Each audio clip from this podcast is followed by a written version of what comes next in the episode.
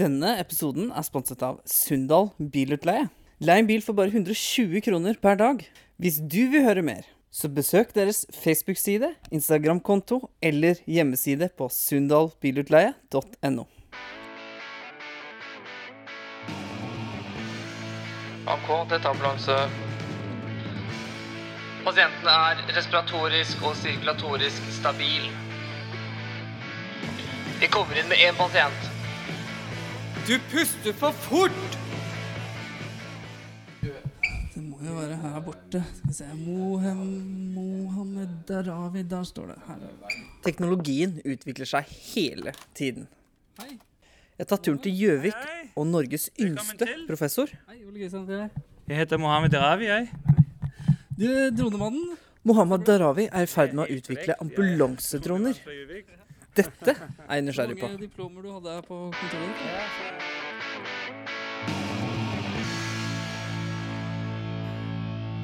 Hei og hjertelig velkommen til en ny episode av Du puster for fort. I dag så har jeg tatt turen til Gjøvik. Der har jeg fått lov til Eller jeg har eh, gjort et møte med Norges yngste professor. Mohed, Mohammed Derawi. Hei. Velkommen til Du puster for fort, og takk for at jeg fikk lov til å komme på kontoret ditt. Takk til dere. Du, um, som uh, 29-åring så ble du Norges yngste professor, stemmer det? Det er helt korrekt. Ja, er riktig. Um, hvem, hvem er du egentlig? Hva, hva er det du driver med? Jo, jeg, eh, jeg er Mohammed. Jeg er uh, født og oppvokst i, i Danmark. Um, jeg tok min uh, universitetsbachelor og master i Danmark innenfor informatikk, det som heter computer science i dag, eh, ingeniørvitenskap. Og eh, jeg kom til Norge eh, i 2008, da jeg skulle gjøre ferdig min eh, masteravhandling. Så de siste seks, de siste seks måneder av min masteravhandling kom jeg hit til Norge, i Gjøvik egentlig. Fordi vi hadde en veileder som liksom eh, anbefalte meg å komme hit. Ja. Og dette sa jeg ikke nei til. Så ble jeg sånn uh, litt halvforelsket i, i Mjøsa. Fordi jeg er veldig vant til, uh, til havet i Danmark og København. Og jeg har alltid sagt til meg selv at jeg ønsker å bo et sted hvor det er vann rundt omkring meg. Ja. Så det er egentlig grunnen til hvorfor jeg er her i i Gjøvik i dag. En av grunnen, i hvert fall. Og her har du blitt siden. Og her uh, har jeg blitt siden fordi etter min avhandling, masteravhandling tok jeg seg en doktorgrad i tre år. Og så har jeg bare limt meg fast i denne lille byen her. Norges yngste professor, og det er ganske Det er en ære å få lov til å komme på kontoret ditt, da. Tusen hjertelig.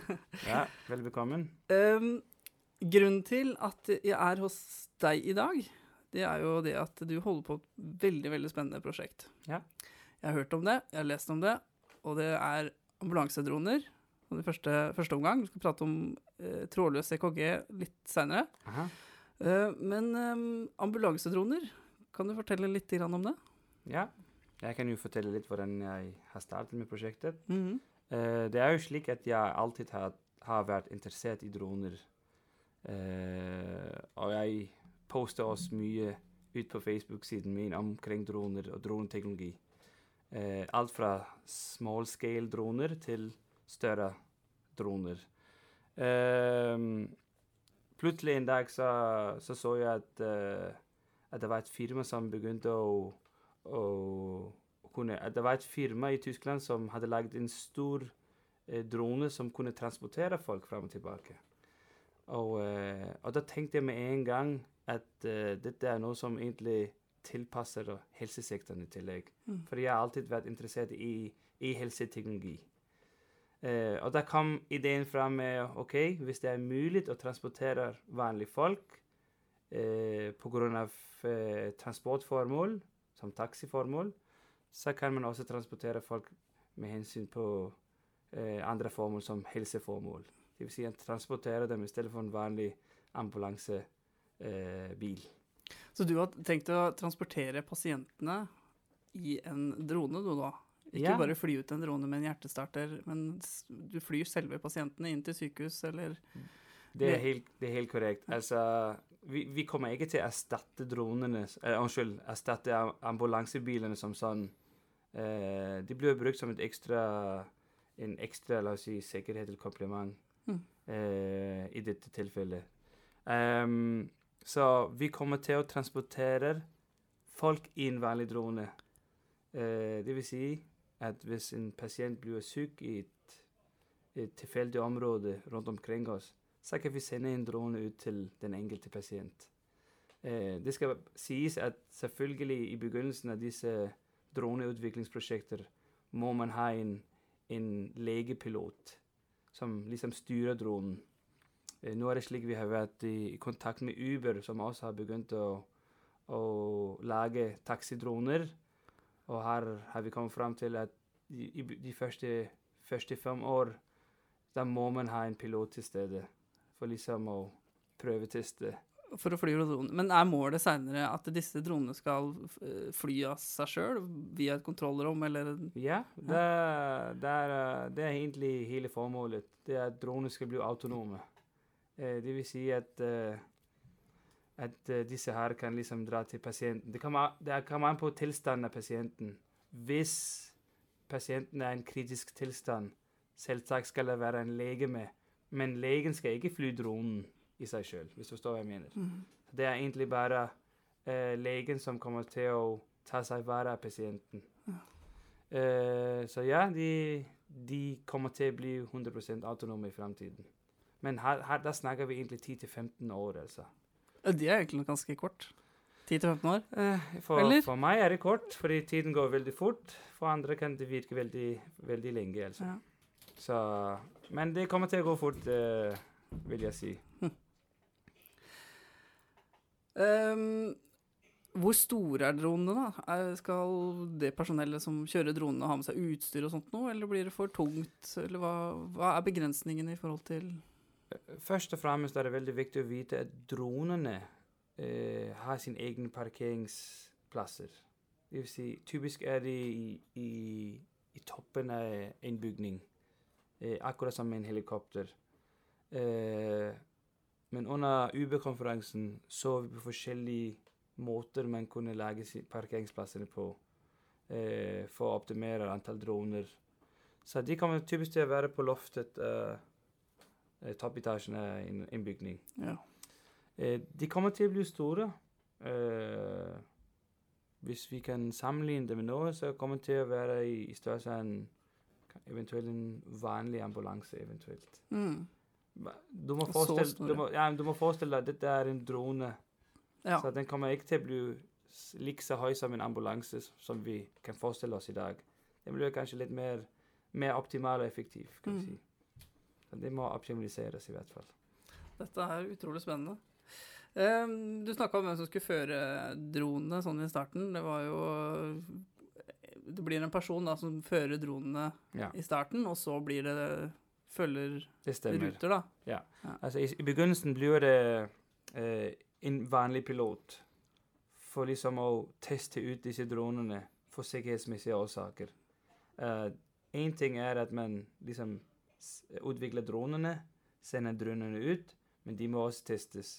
Og Derfor er det alltid viktig å kunne manuelt flyve disse dronene med, med joystick, som man gjør med en helikopter i dag. Mm. Eh, det, er, det er da litt annerledes med en drone, selvfølgelig. Fordi eh, her kommer vi til å bruke eh, batterier og diverse teknologier innenfor batteriteknologien. Så ja, i begynnelsen kommer vi til å ha piloter, og etter hvert kommer man til å, å, og fjerne disse pilotene og for besparelses, for besparelsesformål, eh, formål, rett og slett. Du snakka så vidt om eh, Du var inne på batterier, at dette er batteridrevne eh, farkomster, kan man si det? Ja, det er aliens. Ja. Um, hvor mye Hvor langt kan en sånn drone fly da, på en varm sommerdag, sånn som det er nå? Altså, det som er en av utfordringene her, det er jo batterikapasitetene. Eh, du ser jo på hvor langt en Tesla kan kjøre, eller en vanlig elbil kan kjøre. Eh, nå, nå er alt avhengig av, av motorene som, for, som skal rotere propellene i en drone. Eh, hvis det er propeller man bruker, selvfølgelig. Og her må man lage noen beregninger på hvor mye slike batterier kan klare seg i lufta. Og nå skal du også tenke på at her har vi vekt som skal løftes. Eh, akkurat nå så, så husker jeg ikke helt klart hvor mye den, den ferdigutviklet eh, volocopter-helikopterdrone kan, kan fly. Men jeg har hørt noe omkring 75-150 km. Mm. Men det, det som er viktig å huske her, det er at disse dronene Det er ikke meningen at dronene skal fly fra Gjøvik til Oslo. Det er meningen at enhver by skal ha sin egen ambulansedrone. I tilfelle av trafikk, f.eks. For, for hvis det er mye trafikk på veiene, så er det veldig viktig at den dronen kan ta direktestrekning i lufta til den enkelte pasient. Så det er egentlig formålet at hver eneste by skal ha sin egen drone. Så her har vi egentlig en fordel med ikke å tenke på batterikapasitet. For hvis man holder seg innenfor la oss si, eh, omkretsen eller eh, diameteren av en by, så er det jo helt fantastisk. ikke sant? Så da trenger man plutselig ikke så mye å gå på igjen. fordi da er sentralen veldig nær, og da kan man opplade batteriene. Um, vil dette hjelpe altså responstidene til Ambulanse-Norge, tror du? De sliter, altså, Ambulanse-Norge sliter jo litt grann med responstider rundt om. Eh, Det er akkurat det vi ønsker å redusere. Responstiden for å redde flere liv. Mm. Fordi eh, du skal jo tenke på en vanlig ambulansebil eh, kan, kan jo må være obs på trafikken. En drone kan flyve en direkte strekning. Dvs. Si du kan tegne en strek fra ambulansen direkte til ulykkesstedet med en gang. Og da tar den den korteste vei. Og den korteste vei kan fort spare sekundene og som man egentlig trenger. For man har sagt tidligere at det er ikke så mye eh, altså Hvis man kan spare noen sekunder, 30 sekunder til ett minutt, så kan man spare mange menneskeliv. Er det noen andre fordeler med, med dronene? Mm, ja, det er eh, flere fordeler. Eh, nå må du huske på at eh, hvis vi befinner oss i, i steder hvor det ikke er vei eller infrastruktur, så kan man sende en drone ut til f.eks. fjellene, eh, hvor man ofte er på la oss si en fin sommerdag, eller en ønsker å ta seg sin familie med på, på tur i, i fjellene til hytten, Mm. og der ingenting er, er vei osv., så, videre, så er det veldig vanskelig for en ambulansebil å dra dit. Og uh, her kan vi jo tenke seg at uh, plassere inn droner uh, i disse områdene, slik at man kan fly direkte til, til ulykkesstedet. Mm. Så her kunne man egentlig tenke seg å benytte seg av droner også.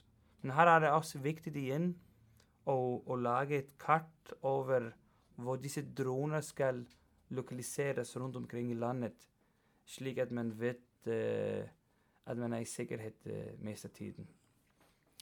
Du snakka om radius på mellom Var det 150 km du sa? At de kunne Eh, fly? Eh, Nei, det var bare et eksempel. Altså, okay. det kommer til, altså, batteri, batteriutelsen kommer nok til å være bedre enn det om, om, om 10-15 år. Det er jeg veldig, veldig sikker på. Ehm, nå er det slik at en drone Meningen med en drone er at den ikke skal veie så mye. Vekten av en drone skal være minimalt, slik at man kan få eh, dronen til å, å lette opp i været. Eh, så jeg, jeg tror på at uh, at, uh, at dronene kommer til å ha en mye bedre uh, radius. At de kan fly innenfor en, en større radius enn 75 km. Mm. Mange dronestasjoner ser du for deg i Norge? Det blir kanskje litt stort, men uh, Eh, egentlig ikke. Altså Vi må tenke oss at vi trenger Jeg, jeg, jeg ser for meg at vi har eh, nok eh, Liksom mange droner som vi har ambulanse, ambulansebiler. Altså litt mindre droner enn ambulansebiler, vil jeg si. Det kommer an på hvor stor byen er, og hvor ofte eh, ting oppstår. Vi må jo se på statistikkene først og fremst og se hvor ofte er det at en ulykke eh, hender i den en enkelte by. Så vi må jo se hvor ambulansebilene er lokalisert i dag, og da må vi ta beslutning ut fra statistikken hvor mange droner vi egentlig trenger. Eh, nå er det sånn i dag at eh, via lufta så har vi luftambulanse nå. Det er helt korrekt. Ehm, vil dette erstatte luftambulansen som, på noen måte, eller vil dette bli en sånn tilleggsressurs? Det blir jo en tilleggsressurs, som jeg sa i eh, tidligere. Som en eh, sa, komplementær resource. Mm. Eh, det, blir, det skal aldri erstatte ambulansen. Eh, luftambulansen. Den, den skal også bli der. For det er veldig viktig å ha sterke ambulanser. Helikopter er en sterk eh, ressurs. Eh, veier litt mer enn en drone. Som kan eh, fly over havet. Og her er det ikke meningen at vi skal begynne å fly over havet med en drone til å starte med. Fordi luftambulansen har sine fordeler og ulemper, og dronen har sine fordeler og ulemper. Og da er det veldig viktig å se i hvilke steder kan vi bruke ambulansen, og hvilke steder kan vi bruke dronen. Mm. Så eksempel er det ikke kanskje så mye nyttig i dag å bruke ambulansehelikoptrene fra Sykehuset Innlandet og så en kilometer ut i ulike steder. Mm. Ikke sant? Så det er situasjonsformål og bestemmelser som bestemmer det. altså. Dette er jo forholdsvis nytt, det her med droner og sånn. Yep. Kanskje ikke for deg, da, som har holdt på med dette. Dette er jo faget ditt. Ja. Eh, men jeg merker at hvis jeg skulle satt meg inn i en drone i morgen og flydd over, eh, så eh, hadde det vært litt skummelt. Ja, over Mjøsa, ja. Ja, Hva så... med, hva med sikkerhet og Ja, i forhold til både det å krasje og mm. fly Møte fly i, i luftrom? Helikoptre? Eh, Nå er det slik at uh, droner Altså, EU, Den europeiske union, er i gang med å lage nye reguleringer.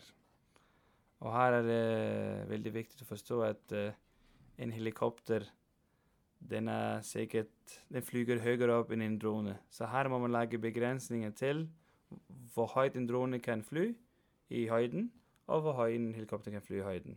Så disse reguleringer Det er ikke bare høyderegulering, nå er det mange andre reguleringer også. Eh, så disse er i gang med å settes på plass. Så det er noen dokumenter allerede som finnes på, på, på nett, Mm. som beskriver disse reguleringer. Den andre ting med hensyn til med hensyn på å krasje eh, Selvsagt er det skummelt å, å tenke på tanken at nå skal jeg fly med en, en drone. Dette er jo noe nytt.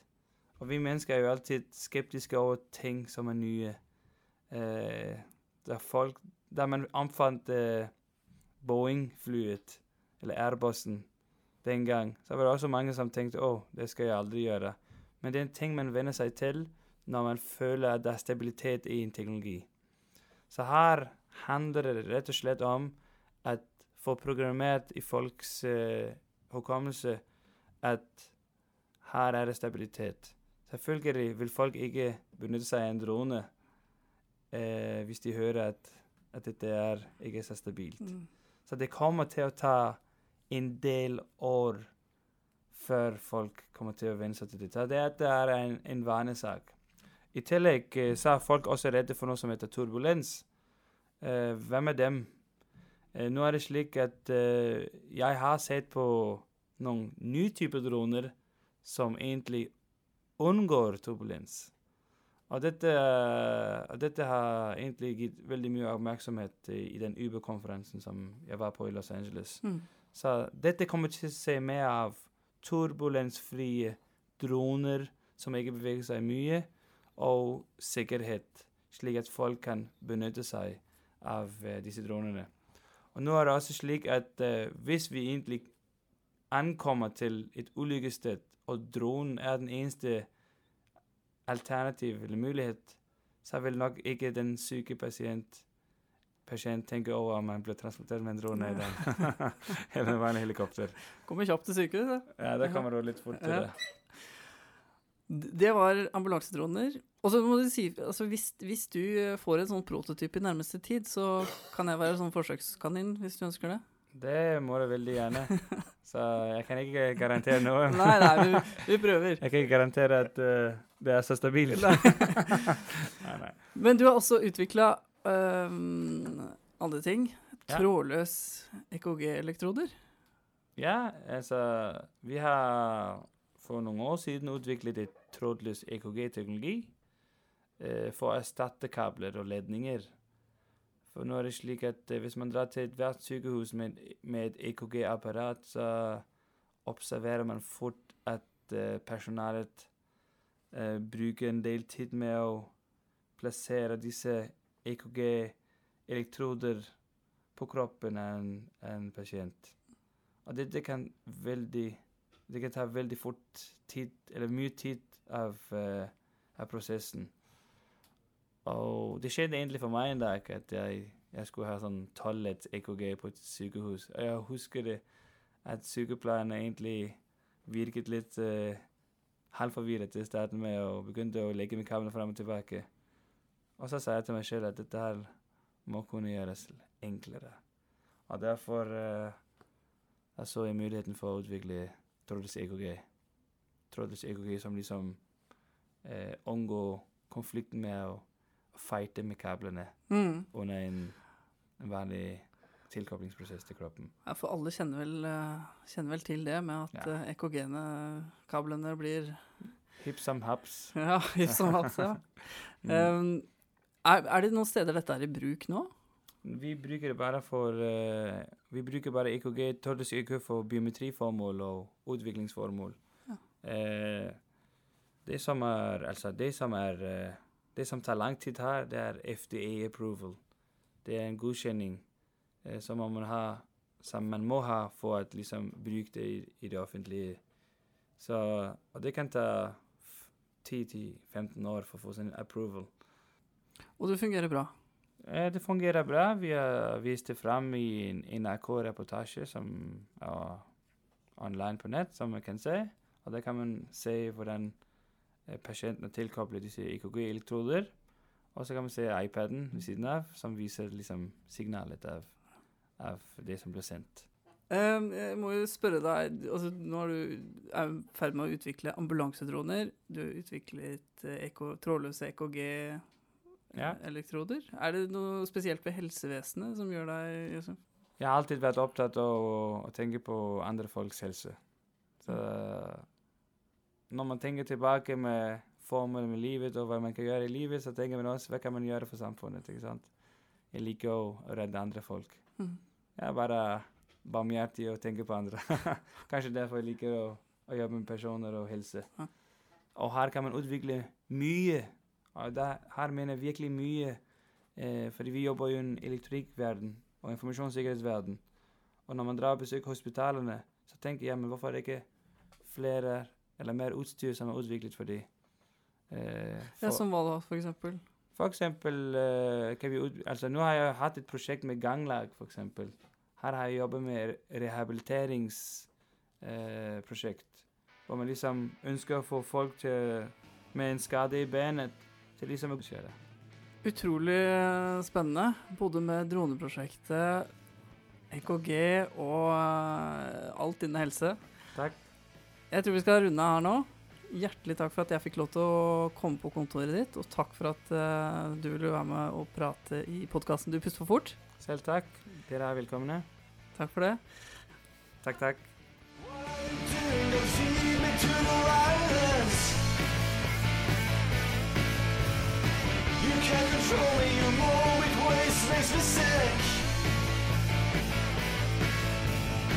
I don't know.